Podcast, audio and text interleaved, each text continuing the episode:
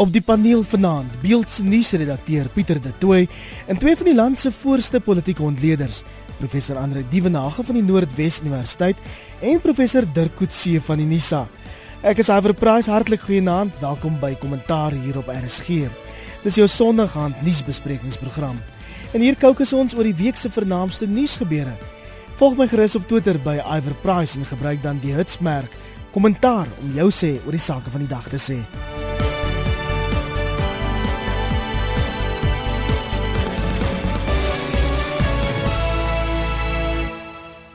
Kollegas en soos Nomsa toe op laas in 'n middernagtelike stemming uit Kusatu geskop, 'n voorspelling wat ons al langer as 'n jaar gelede hier op kommentaar begin maak het. Maar voor ons te opgewonde oor die politieke moontlikhede raak, Nomsa gaan moontlik teen die skorsing appeleer en selfs die saak hof toe neem, Pieter.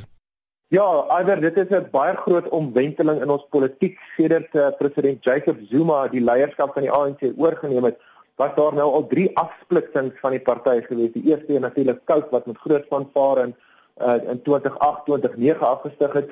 Toe uh, baie meer onlangs Julius Malema in die Vryheidsfront uh, of die ekonomiese vryheidsvegter en nou Nomsa uh, wat Kusatu verlaat. Kusatu natuurlik die belangrikste of een van die groot vennote in die in die drie party alliansie en en eintlik maar die ruggraat as jy kyk na na na wie die ruggraat vorm in verkiesingstyd by die ruggraatvorm en veldtogte is dit is dit die vakbond is dit Kusatu. En die afgelope paar jaar het Nomsa homself gevestig as die grootste vakbond binne Kusatu met die meeste uh, lede. Hulle die National Union of Mine Workers verbygevat.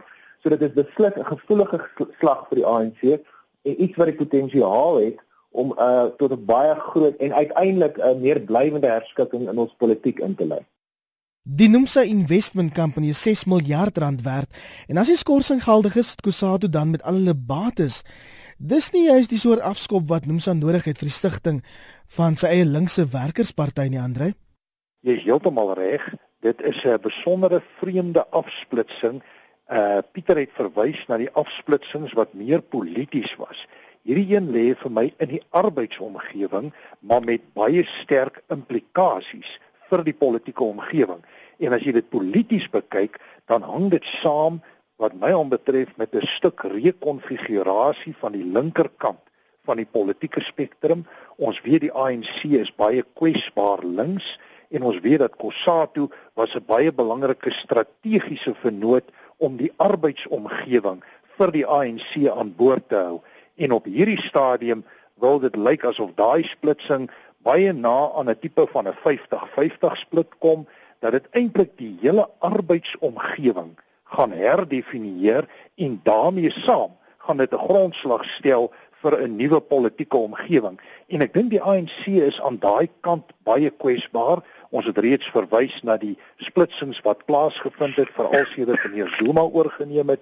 Dit staan ook in 'n tyd waar dit ekonomies baie swaar gaan en waar vakbonde voel hulle moet sterker kompeteer en sterker beding en die uiteinde is eintlik 'n baie onstabiele politieke omgewing in terme van die dinamikas wat hom nou uitspeel links van sentrum. Die ANC sidder natuurlik oor die gevolge vir die drie party alliansie en ons het die naweek ook gesien hoe die ANC se woordvoerder Zizi Kodwa die skorsing as 'n tragedie beskryf Dirk. Ja, ek dink vir die ANC is dit 'n baie onsekere toekoms waarna hulle ingaan. Ehm um, die die afgelope verkiesing was 'n bietjie van 'n toetsing al daarvoor gewees, ehm um, as gevolg van die feit dat dat Nomsa openlik nie meer die ANC ondersteun het in die verkiesing nie. Ehm um, maar ek dink soos soos beide Pieter en Andre gesê het, is daar aan die een kant baie sterk en belangrike uh, Kusatu implikasies en implikasies op die vakbondbewegings uh vlak ehm um, en dan die ander implikasies vir die ANC. Ek dink die een fout wat ons nie moet maak nie is om te sê dat alle Nomsa ondersteuners outomaties nou nie vir die ANC gaan steun nie. Ehm um, of dat dat daar 'n direkte parallel is tussen lidmaatskap van van 'n vakbond soos Nomsa en die politieke keuses wat mense uitoefen. Ek dink vorentoe gaan dit gaan dit verander. Ehm um, en gaan daar selfs mense binne die die vakbonde wees wat op die oomblik nog binne Kusatu is, maar wat simpatiek ingestel is teenoor Nomsa en selfs van vanaf ander uh, meer pro Zuma vakbonde soos Nehabu uh, wat waarskynlik wat dalk nie meer vir die ANC sou stem nie. So dit dit skep 'n totaal nuwe dinamika wat uh, wat besonder moeilik voorspelbaar is. Ek dink die die een punt wat mense egter in ag moet neem ook is dat die totale ledertaal van van Kusatu is rondom 2 miljoen 2.2 miljoen. Die ANC kry omtrent tussen 10 en 11 miljoen stemme per verkiesing gewoonlik. Ehm um, so dit is nie dat hulle die werklike die die die kern van die ANC se ondersteuningsbasis is nie. Dit is 'n belangrike deel daarvan, maar dit is nie die meerderheid nie. Ehm um, so die die impak wat dit sal hê op die ANC se ondersteuningsbasis is waarskynlik minder beperk in reële terme as wat dit simbolies die geval is. Die die simboliese impak daarvan is is besonder groot.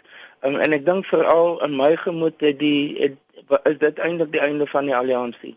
Ehm um, en anders as wat voorspel was dat die alliansie sal skeer tussen die ANC aan die een kant en Kusatu aan die kommunistiese party aan die ander kant was die skering nou in die middel van Kusatu gewees. Maar dit het eintlik Kusatu verwyder nou uit die uit die alliansie uit. En ek dink die langtermyn gevolge gaan wees meer in die op die terrein van arbeidsaangeleenthede. Ehm um, en ek kan dalk ons praat van vir môre as die herdenking van die val van die Berlynse muur 8 November gaan waarskynlik in die toekoms gesien word as die waterskeiding vir arbeidsverhoudinge en vakbond uh bewegings um, in Suid-Afrika want ek dink dit gaan totaal geherstruktureer word vorentoe. Kom ons praat oor die twee voorbokke wat Kusatu die laaste ruk so uitgedaag en geïrriteer het. Dis nou Irvin Jimmins wel en Zimbabwe. Pieter, hoe lank dink jy voor Wawi al sy energie by Nomsa begin ingooi? Alhoewel dit baie moeilik om te sê. Ek dink as ons na die onlangse verlede gaan kyk in die geskiedenis was Zwelithini Wawi het by voor en en aanloop tot Polokwane ehm um, het hy uh, Thabo Mbeki teengestaan op grond van ideologiese uh, die teenstand was op ideologiese gronde geweest. Dit is nie dat hy vir uh, Jacob Zuma gesteun het ideologies of polities nie, hulle wou vir hulle hulle hulle, wou Thabo Mbeki daar uitkry kort na Polokwane het Johan Zima waar wie 'n 'n pos of 'n setel of 'n sitplek op die ANC se nasionale uitvoerende komitee uh, afgewys want hy het gesê hy wil sy onafhanklikheid behou en dit het ook later bewys deur baie sterk uitsprake uh kritiek op die ANC, kritiek op president Jacob Zuma en kritiek uh op die roofdierstaat wat wat Suid-Afrika dan volgens Zuma volgens Wawi geword het. Nou uh die stryd rondom die hart en siel van Kusatu is is een waarin Wawi natuurlik baie nou betrokke is en ek ek ek, ek sou voor ek ek sou reken die rede hoekom Nomsa ehm um, die skorsing gaan gaan gaan gaan teenstaan is omdat hulle wil die Kusatu handelsmerk, die Kusatu brand, die Kusatu geskiedenis, die Kusatu vertoningslys is baie sterk.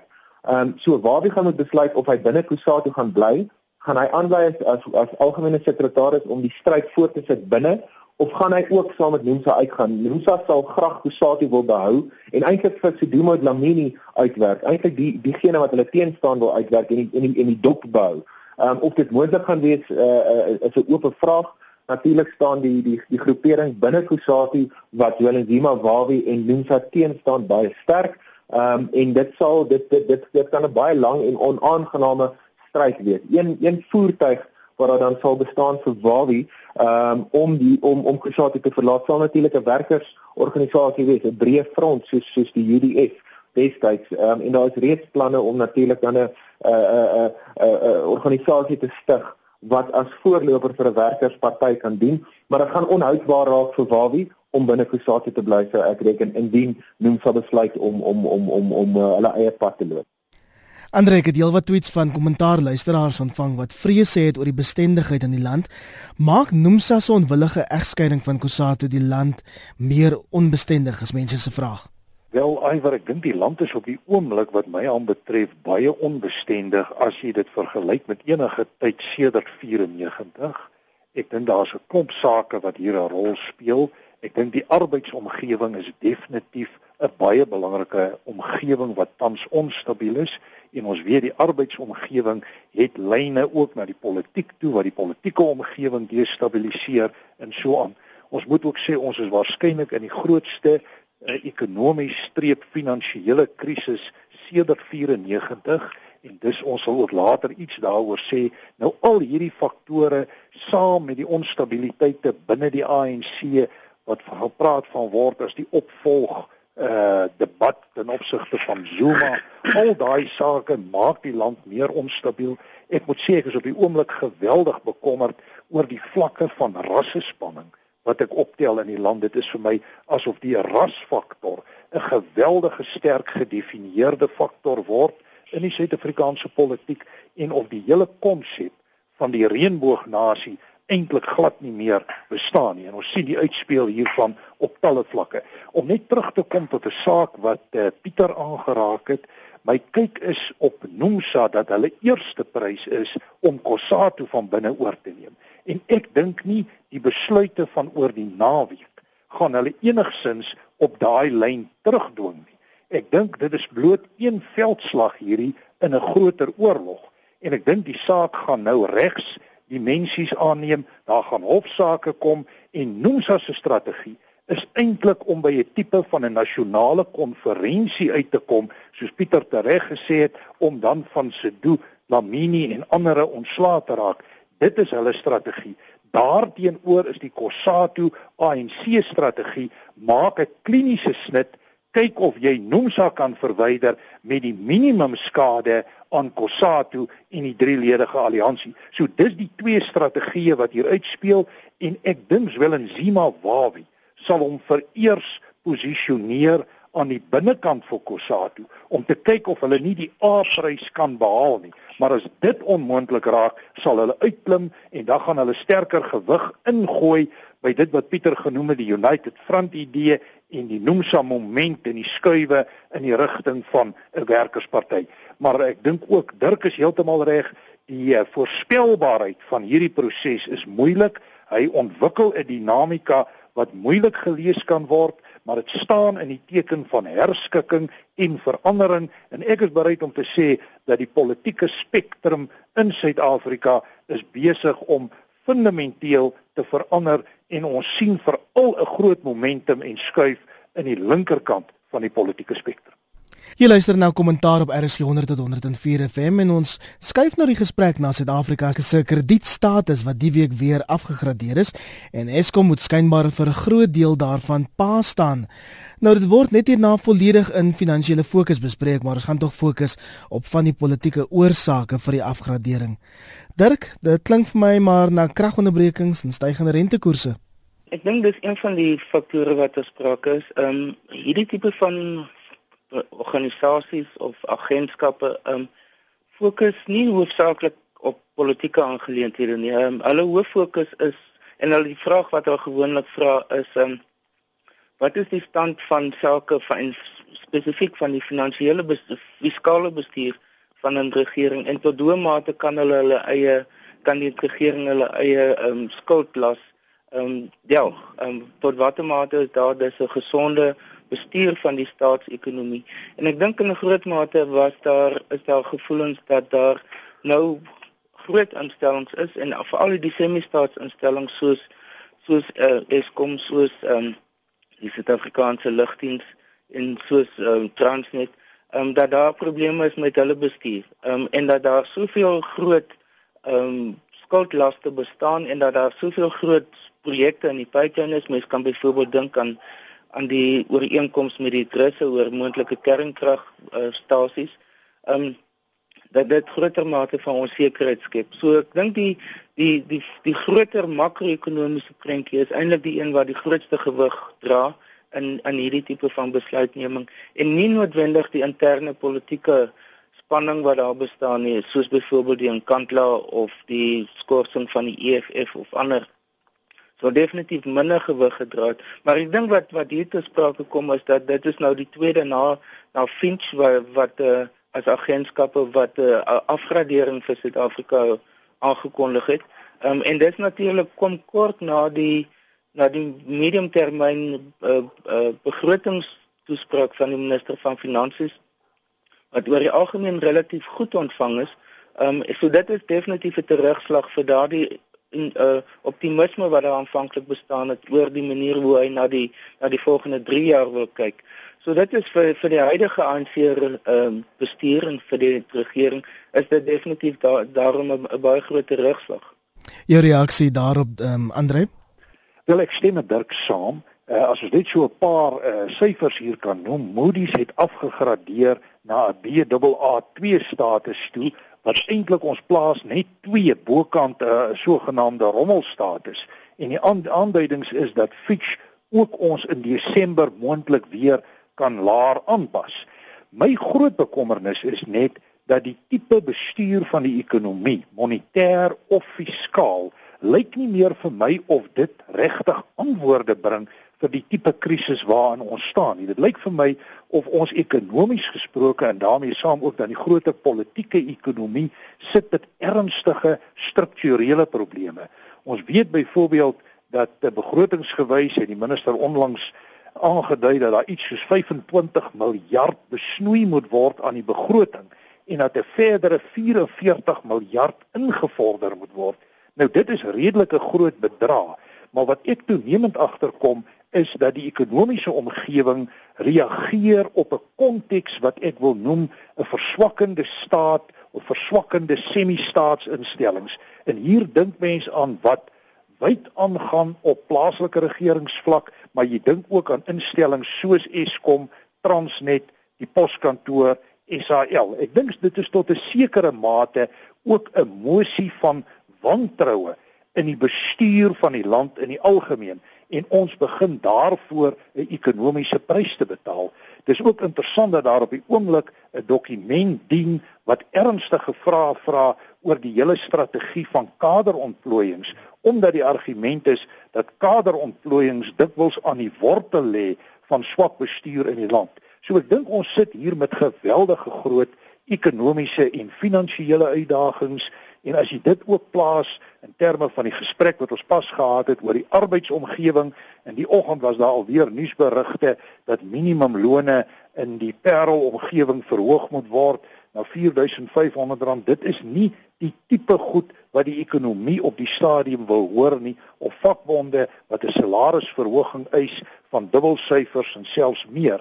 Ek dink in daai sin kry ons met 'n ekonomiese probleem te make wat die staat en die regering gegeewe die politieke ideologie al hoe moeiliker kan bestuur en dit is op die oomblik besig om ons nader te neem aan 'n finansiële fiskale afgrond. Nou vir parlementêre nuus en ekonomiese vryheidsvegters dreig met hofoptrede indien die nasionale vergadering die skorsing sonder salaris van 12 van sy parlementslede goedkeur. En Pieter, die EFF beweer dat daar 'n duidelike mandaat van Letoilihuis was om die swaar straf op te lê. Iwer, daar is waarskynlik 'n duidelike mandaat van Letoilihuis, maar ons moet in gedagte hou dat die EFF het buite uh, uh, buite die parlementêre reëls opgetree en hulle is duidelik 'n uh, uh, uh, ontwrigtende uh, ten beste en ten ergste vernietigende uh, imp, uh, vernietigende impak in die parlement. Ehm um, dit is belangrik dat ons binne parlementêre politiek binne die reëls speel ehm um, en dat eh uh, uh, dat politieke partye daardie meganismes tot hulle beskikking gebruik om die verandering te teweeg te bring wat hulle wil sien. Maar hierdie is 'n uitvloeisel, die EFF se gedrag uh, is 'n uitvloeisel van jare uh se se se se minagting van die parlement deur die ANC. Ons het van dese week weer gesien waar die adjunk president vrae beantwoord in die nasionale vergadering uh en volgens oppositiepartye dit nie na behoore gedoen het nie. Ons staatshoof sê dat hy president geword het in 2009 is berig daarvoor dat hy die vrae beantwoord het. En hierdie jaar trouens het hy uh nog het hy nog net twee keer in die parlement verskyn. Um en volgens parlementêre reëls moet hy vier keer 'n jaar verskyn. So daar's 'n daar's 'n groot frustrasie onder uh, uh, oppositiepartye onder parlementslede dat hulle nie die geleentheid kry om die uh, oorsig te doen wat van hulle verwag word en dat hulle nie die geleentheid kry om rekenskap van die uitvoerende gesag te eis nie. Ehm uh, nietemin kan die EFF nie toegelaat word om uh, amok te saai in die parlement nie. Ehm um, en en ek sou ek sou ek sou nie saamstem met die EFF dat hulle reken dat hulle straf uh, buitensporig is nie. Ehm uh, maar dat daar 'n mandaat van Letoile is is beslis so net hoef net te kyk na die speaker Baleka en Bette as hy die speakerstoel inneem uh elke Dinsdag tot Donderdag. Is die eintlike probleem nie die speaker Baleka nie, sy het regtig maar min beheer oor haar emosies, Andrei? Wel, uh inderdaad so Iwer, ek dink wat Pieter daar opsom is heeltemal korrek. Aan die een kant het mense probleme met die EFF en hoe hulle hulle skik na reëls. Maar ek is ook bewus daarvan dat die ANC by verskeie geleenthede reëls baie sterk oortree het dat hulle eintlik op wys is die gesag van die parlement ondermyn deur 'n strategie te volg en ons het nou weer gesien rondom Kandla via komitees bestuur jy prosesse op so 'n wyse dat jy eintlik die hele kwessie van 'n uh, verantwoordelike regering wat 'n kernaspek van die demokrasie is en 'n kernverantwoordelikheid van die parlement ondermyn word. Ons het nou weer die voorval die week gehad waar die president nou vir die eerste keer in 'n lang tyd weer in die parlement verskyn en waar hy by die nasionale raad van provinsies gepraat het, maar wat skynbaar ook redelik eksklusief hanteer is. Daar was nie vrye toegang en vrye beweging vir almal daar om die president te kan kritiseer nie. So die president kom baie kwesbaar voor. Dit kom my voor asof Letoile huis en die regering hulle bes doen om die president te beskerm om hom eintlik nie verantwoordbaar te maak nie. En as ek dit alles sê, dan verstaan jy die frustrasie van uh, die EFF en besonder Malema wat ook dikwels via die ANC polities en andersins dikwels regmatig ook geteken word maar hier is 'n geveg aan die gang waar die spelreëls nie altyd gevolg word nie en dit is deur beide partye en mense sou graag wou sien dat iemand soos die speaker 'n objektiewe en as dit moontlik is meer neutrale rol kan speel ten einde hierdie proses te bestuur en te hanteer maar op die oomblik is dit nie die geval nie. Jou reaksie op die skorsing Dirk? Ja, ek dink uh, ek stem saam met die punte wat wat genoem is. Ek sal miskien een stap verder neem. Ek, ek dink die huidige spel spelreëls of reëls van die parlement is is nie geskik vir die huidige magsbalans binne die politiek nie.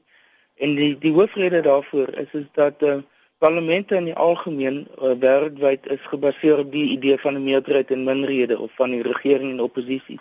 Maar dit ook veronderstel in demokratiese bedelings dat daar 'n gereelde verandering van party is so of van regering is. So dit beteken dat dit is moontlik om te sê die regerende party kry al die voordeel van die, die van die meerderheidsparty in die parlement. Dit beteken om die spreker te kan kies, om die die voorsitter van die komitees te kan kies, um, om die agenda tot 'n groot mate te kan domineer.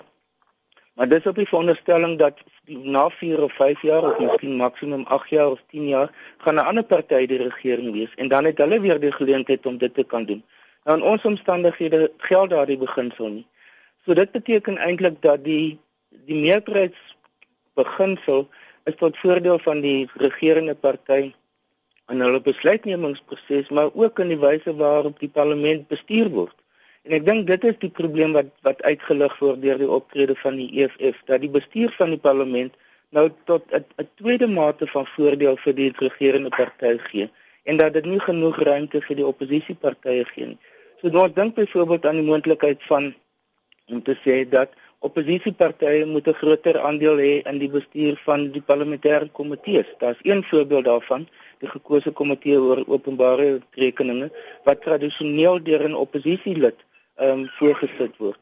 Nou, dit dink ek is tipe van aspekte wat hopelik ter sprake gaan kom as gevolg as 'n neeweffek van die optrede van van die EFF. Ek probeer nie argumenteer dat dit hulle hoofmotief is nie, maar ek dink dit onderliggende aan die tipe van frustrasie wat wat uitkom, ehm um, dit wat nou bespreek is oor die die president se se weerhouding van sy teenwoordigheid binne die parlement om openlik te wees oor vrae wat aan hom gestel is en om om, om op 'n eerlike manier vrae te antwoord. En ek dink dit dit is die simptoom wat ons sien um, wat nou geartikuleer is deur die optrede van die EFF. So wat ons eintlik wat ek eintlik probeer sê is dat dit 'n baie belangrike moment in ons geskiedenis in in die parlementêre geskiedenis om hopelik 'n tipe van 'n nuwe bedeling oor tyd te ontwikkel wat meer regverdig is vir die politieke stelsel in algemeen. En terwyl ons nou in die parlement is, die ad hoc komitee het sy verslag oor Nkandla gefinaliseer. En ja, die uiters voorspelbare bevinding is dat daar geen bewyse is dat president Zuma die uitvoerende gesag of staatsamptenare beïnvloed het om korrup op te tree nie. Pieter, jou reaksie daarop? Alhoewel hierdie is voortwyfel een van die parlement se mees skokkende mislukkings oor die afgelope paar jaar. Jy weet dat 'n dat 'n komitee toegelaat word om om om om om om die president op so 'n manier te verontskuldig dat daar geen subtiliteit is aan die ANC se se se se werkswyse nie dat dat dat hulle absoluut met 'n 10 pond hamer daar ingeklim het en Pilimardonsela aan die openbare beskermer se verslag uitmekaar getrek het. Ehm uh, maar ek dink in hierdie geval moet die oppositiepartye ook onder uh, onder onder kritiek deurloop. Jy weet die oppositiepartye het vroeg besluit dat hier hier's net een uitkoms ehm um, en dat hulle nie deel van die proses gaan wees en hulle het hulle self heeltemal onttrek. Nou natuurlik was daar net een uitkoms hiervoor, maar wat sou gebeur het as Dean Smith en Steve Swart en die sulke uh, in die afgelope paar jaar hande opgegooi het en gesê ons kan maar net die inligtingwet laat deurgaan. Ehm um, wat sou in ander gevalle gebeur het as die oppositie nie deelgeneem het aan die proses nie? En in hierdie geval het die oppositie die geleentheid gehad om insaag te kry in hoe die ANC werk, om insaag te kry in die verslag en om te sien hoe hulle te werk gaan en en om dit aan die groot klop te hang. Soos dit uitgedraai het, het die oppositie nie deel gewees daarvan nie. Hulle kon nie deel wees in die in die in die, in die samestelling van die verslag nie. En en en, en ek is seker uh, deur deel te wees van die proses en deur deel te wees van die parlementêre proses daarso sou ons baie meer intelligensie kon gekry het in hoe die ANC hierdie saak benader. Soos dit is, was hulle nie deel daarvan nie en nou skree hulle dat uh, dat hulle wil toegang hê tot die verslag en dies meer. Ek dink hulle het 'n strategiese fout begaan om nie deel te wees daarvan nie. Nietemin, ehm um, is die president nou verontskuldig en het die uh, ad hoc komitee onder leiding van Cedric Vrolik ehm um, die president ehm um, heeltemal uh, skotvry daarvan laat afkom. Jy weet, uh, hulle het hulle het sommige bevindinge geïgnoreer, andersins ander bevindinge met 180 grade omgekeer. Ehm um, en, en en en en ander bevindinge net heeltemal uh, vervorm vaai. Een van hulle was natuurlik dat die president uh nie die etiekwet op uitvoerende lede oortree het nie, maar hy het, jy weet die OB het bevind dat die president die etiekwet oortree omdat hy in 2009 reeds dank sy koerantberigte wat oral was geweet het dat daar wanbesteding by in Kanada is en hy het niks gedoen om die staatskas te beskerm nie. Nou dit is net eenvoudig van die tafel af gevee. So 'n baie hartseer dag vir vir vir ons parlement, maar iets wat sekerlik te wag was. Andre ek sien jou premier daar in Noordwes, Suprama Mapelo, reken kritisie van die president en die ANC lei aan Zuma-fobie. Ja, en ek weet meneer Magashule het ook baie sterk in die bresse getree vir uh, die president. Maar is duidelik dat ons hierso sit met 'n situasie waar 'n parlementêre komitee effektief gereduseer is tot 'n ANC komitee en daar binne die ANC konteks geld die beginsel van the king can do no wrong. En dit bring ons maar weer terug by die hele problematiek wat ons pas hier hanteer het van verantwoordelike regering, die rol van die parlement en so aan. Maar is duidelik dat die ANC trek laer om meneer Zuma. Hulle wil hom ten alle koste beskerm en dit bring 'n mens weer terug by daardie militêre struggle kultuur binne die ANC wat die moment as daar 'n krisis van 'n soort is, dan trek hulle laer en hulle veg vir hulle president. En ek is bevrees dit is nie heeltemal versoenbaar met 'n meer demokratiese kultuur waar daar regstaatsbeginsels geld nie. En ons weet dat meneer Zuma letterlik al met moord weggekom het oor die laaste tyd. Mens dink byvoorbeeld aan wat gebeur het alles in die opbou tot die Polokwane konferensie en dit laat ernstige vrae ontstaan oor die rol van die wetgewende gesag as 'n kontrolemeganisme op die uitvoerende gesag en dit speel ook deur na die hele beginsel van die oppergesag van die reg en rule of law wat sentrale beginsels is binne die konteks van die demokrasie. As ons dus gaan funksioneer op die beginsel van the king can do no wrong, dan moet mens ernstige vrae vra oor die toepasbaarheid van die grondwet en belangrike demokratiese grondwetlike beginsels wat hierin vervat is. En ek kan eerlik sê, die tendens, die traject maak my bekommerd in terme van die groter konsolidasie van demokratiese waardes. Dirk, jou reaksie? Ek dink mens kan twee vlakke hierna kyk. Die eerste een is is is die ANC se natuurlik en dit is die die rol wat president Zuma in die magsposisie wat president Zuma binne die ANC vervul op die oomblik. Ehm um, en wat ons dus sien in in die in in die Nkandla ad hoc komitee is 'n blote blindelingse beskerming van president Zuma. Ehm um, maar dit moet mense terugvoer na die interne ANC politiek. Ehm um, president Zuma is dan uh, veral na die afgelope verkiesing Um, en die feit dat die ANC baie swak gedoen het in KwaZulu-Natal, net met 1.5% gegroei terwyl Inkatha 11% verloor het, maar die meeste van haar stemme na die National Freedom Party toe gegaan het en nie na die ANC toe nie. Is is 'n refleksie op president Zuma um, se posisie binne die ANC, die die die situasie met die uh, Gauteng leierskap binne die ANC en die refleksie op president Zuma weer eens is is is dit problematies. So En, en dit bring mense terug uh, na die na die Kusatu situasie. President Zuma is aktief besig om sy sy posisie binne die ANC te probeer konsolideer uh, met die wyse waarop hy die SAKP gekopieer het in die ANC en die feit dat hy dieselfde met met Kusatu wil doen.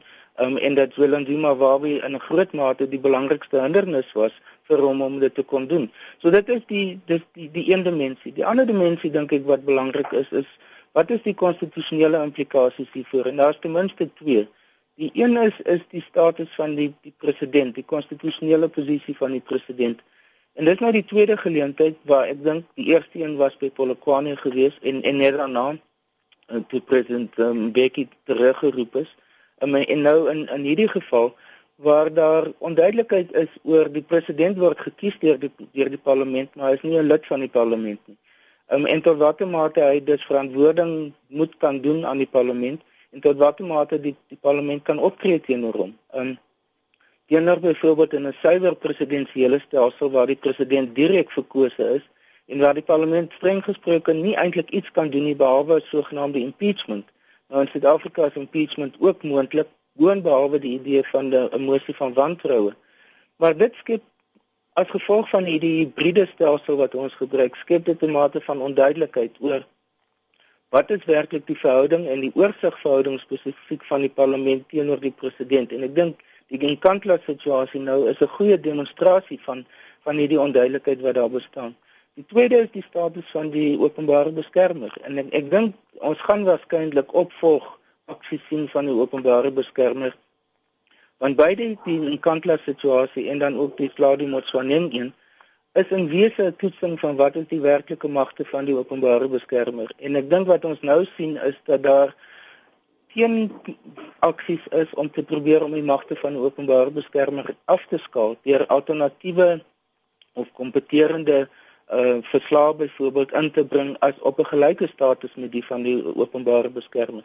En ek dink wat ons gesien het in die Nkandla situasie is die meer mees eksplisiete uitdaging van die openbare beskermer se se posisie. En ek dink dis iets wat in die toekoms baie ernstige aandag nodig het omdat dit een van die mees uh, essensiële elemente uh, van die konstitusionele uh, bedeling in Suid-Afrika is.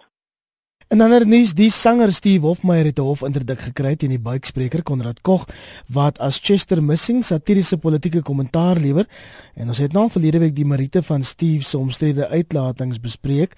Maar Pieter, daar's heelwat kritiek teenoor die Afrikaanse koerante se besluit om soveel spasie aan Steve se doen en late af te staan. Daar's nou selfs beskuldigings dat die koerante een of ander veldtog teen hom sou voer. Jou reaksie daarop? Nee, uh, allermins, iwer ek dink wat koerante se rol is is om die koerante se rol in die samelewing is om 'n gesprek aan die gang te kry, om 'n spieël teenoor die samelewing te sit en natuurlik om nuus te dek waar mense praat en en en nuus te wek, nuus te dek wat nuuswaardig is en ons oordeel is Steve Hofmeyr se uitsprake nuuswaardig en is die is die verwikkelinge rondom hom verwikkelinge rondom hom ook nuuswaardig en dit is uh, die enigste enigste kriteria wat ons gebruik om stories te doen. Ehm um, jy weet van die week het hy 'n klomp uitlatings gemaak. Ehm um, en en en ons het geag dit as nuus dat daar niks ware daarin is en dit is die enigste kriteria wat ons gebruik ja. 'n Vraag wat ek gereeld kry, Andre, is politieke ontleeders en die media nie uitvoering met die res van die land nie om dit te illustreer. Daar was die naweek die laaste paar dae peiling op Netwerk 24 wat duidelik gewys het dat daar duisende meer mense is wat Steve ondersteun as byvoorbeeld mense wat glo dat die bekgevegte verdelend is vir die land. Wel ja, Iwer, ek dink dit is 'n baie goeie vraag. My kyk is ook dat eh uh, kommentators en, en akademici argumenteer dikwels vanuit 'n akademiese perspektief vanuit 'n bepaalde paradigma en dit is nie noodwendig dat die mense op die voetsool vlak inkoop op daardie paradigma nie. Ek dink ons kan ook maar sien in die gesprekke en debatte onder akademici dat hulle ook fundamenteel van mekaar verskil oor kernsake. Ek weet van kommentators wat hulle baie sterk posisioneer vir Afrikaans of teenoor Afrikaans byvoorbeeld, maar wat vir my interessant is, is die rol wat die media hierin speel. En ek moet eerlik sê dit lyk vir my asof dit wat binne media 24 aan die gebeur is, die rasionalisasie en dreigemente rondom rasionalisasie van koerante besig is om hulle te laat beweeg in 'n rigting waar hulle baie sterk sensasie soek ten einde kykergetalle op te tel. Ons weet byvoorbeeld die syfers van die mees bekende koerante is in 'n afwaartse spiraal. Hulle het ernstige kompetisie vanuit jou elektroniese media en dit lyk vir my asof dit ook ten gronde lê van die tipe media berigte wat ons kry. Ek moet sê ek is bekommerd oor die die gehalte van politieke berigte in die algemeen. Ek dink daar is nie altyd vir my die nodige balans nie. Goed word dit wil skeef aangebied. In daai sin kan ek verstaan dat sommige individue probleme het met van die politieke kommentatore en van die standpunte wat wel gestel is. Pieter, terug na jou jou repliek ja, daarop. Ja, kyk kyk ek ek, ek verskil van Andre en daai sin ek dink ons dek nog altyd nuus oor al die jare beeld en uh, en visserskoerante dek nog altyd nuus wat uh, nuuswaardig is. Ons uh, skryf oor dit waar mense praat en ek dink as mens kyk na die uh, na na na hoe baie mense oor oor oor Steve Hofmeyer se hoogs aanvegbare stellings gesels en hoe dit uh, uh, radiogelselsprogramme nie net in Afrikaans nie uh, in uh, in Engels ook oorheers uh, Engelse koerante dek hierdie ontwikkelings ook dan dink ek uh, uh, heeltemal binne ons reg en dit is heeltemal vierkant binne ons nuusagenda om uh, aandag te gee aan ons lesersgemeenskap 'n uh, 'n uh, uh, uh, groot rol speel en wat in ons lesersgemeenskap 'n groot gesprekpunt is. Kollegas, die tyd is besig om ons intaal. Kom ons beweeg na buitelandse nuus. En president Barack Obama se regering gaan in sy laaste 2 jaar die wind van voorkry nadat die oppositie die Republikeine beheer oor die Senaat in die middeltermynverkiesing gewen het. Die Republikeine beheer nou die Huis van Verteenwoordigers sowel as die Senaat Dirk. President Obama is eintlik vir die res van sy termyn maar redelik magteloos nie totaal magteloos nie. Ek um, hy het nog steeds die mag van administratiewe aksie en hy die magte van veto. Uh, wat beteken dat in sekere aspekte kan hy die inisiatief neem, maar hy hoef nie te wag vir die kongres om dit te doen um, op oor sekere wetgewing nie. En as hy wil probeer byvoorbeeld om sy um, gesondheidsbeleid te probeer verander of radikaal te te amendeer, um, dan kan hy dit veto. Um, want dan moet daarvoor met daar spesiale meerderhede wees wat die Republikeine nie het um, in die in beide huise nie. So dit sal daarop neerkom dat daar 'n 'n tipe van 'n onderhandelingsproses moet plaasvind in tussen die die Withuis en en die en die Kongres. Ehm um, dit is nie 'n unieke situasie nie. Uh, President Clinton en het was in dieselfde situasie gewees. Ehm um, en ten spyte daarvan kon hy nog seker baie effektief regeer. Ek dink die die groot probleem van president Obama is is dat sy gewildheidsvlak is baie laag op hierdie stadium en hy het baie moeilike besluite om te neem veral oor buitelandse beleidaspekte. Um en veral nou die wyse waarop hulle in die Midde-Ooste moet optree. Um en hoe om genoegsame um ondersteuning buite Amerika daarvoor te kry en en en in die Midde-Ooste self. So dit dit dink ek is een van sy belangrikste probleme. Intern het hy probleme wat hy wil aanspreek soos byvoorbeeld die immigrasiebeleid en dit lyk asof hy daarin spesifiek ehm um, die inisiatief self gaan neem en dat hy nie gaan wag vir die vir die kongres om dit te doen nie want die republikeine is meer terughoudend daaroor terwyl hy 'n normale 'n groter normalisering van die immigrasiebeleid in in Amerika wil hê. So na die opsig is is dit problematies. Die ekonomie is nie is nie besig om sleg te doen in Amerika nie. En uh, ons in Suid-Afrika voel dit. So mens kyk byvoorbeeld na die goudprys of die die rand uh, wisselkoers dan is dit negatief as gevolg van die ekonomiese groei in Amerika. So die die een groot kopseer wat president Obama vir die grootste deel van sy termyne gehad het is is besig om na die einde van sy termyn toe eintlik nou meer positief te lyk. So daar is tussen uh, sy rekord is dis gemeng. Daar's som, sommige positiewe aspekte en sommige negatiewe. Um, en hy sal binne daardie konteks sal hy sy laaste 2 jaar nou moet uitdien. Ek dink die belangrike aspek uh, wat of gevolg van hierdie verkiesing gaan wees is hoe gaan dit die eh, die presidentsiële verkiesing in 2016 beïnvloed? Want uh, daar was baie verwagting dat Hillary Clinton sou staan as 'n kandidaat aan die demokratiese kant, maar nou is die groot vraag is met die groei van die republikeine, wie gaan hulle sterk kandidaate wees? 'n Mens moet ook net in ag neem dat uh, die die wendings wat op kongresvlak plaasvind nie noodwendig um, dieselfde is as wat op die vlak van die presidentsverkiesings plaasvind nie. En dikwels is daar dus meer ondersteuning vir demokrate op presidentsvlak terwyl op die laer vlakke daar meer meer ondersteuning vir die republikeine is. En dit lyk my wat besig is om nou daar te gebeur. Kollegas, dis ongelukkig waar ons vanaand gaan met halteroep ons wou nog praat oor Duitsland se viering van 25 jaar na die val van die Berlynse muur. Baie baie dankie aan my gaste, Beeldse nuusredakteur Pieter De Tooy, Nancy Pieter.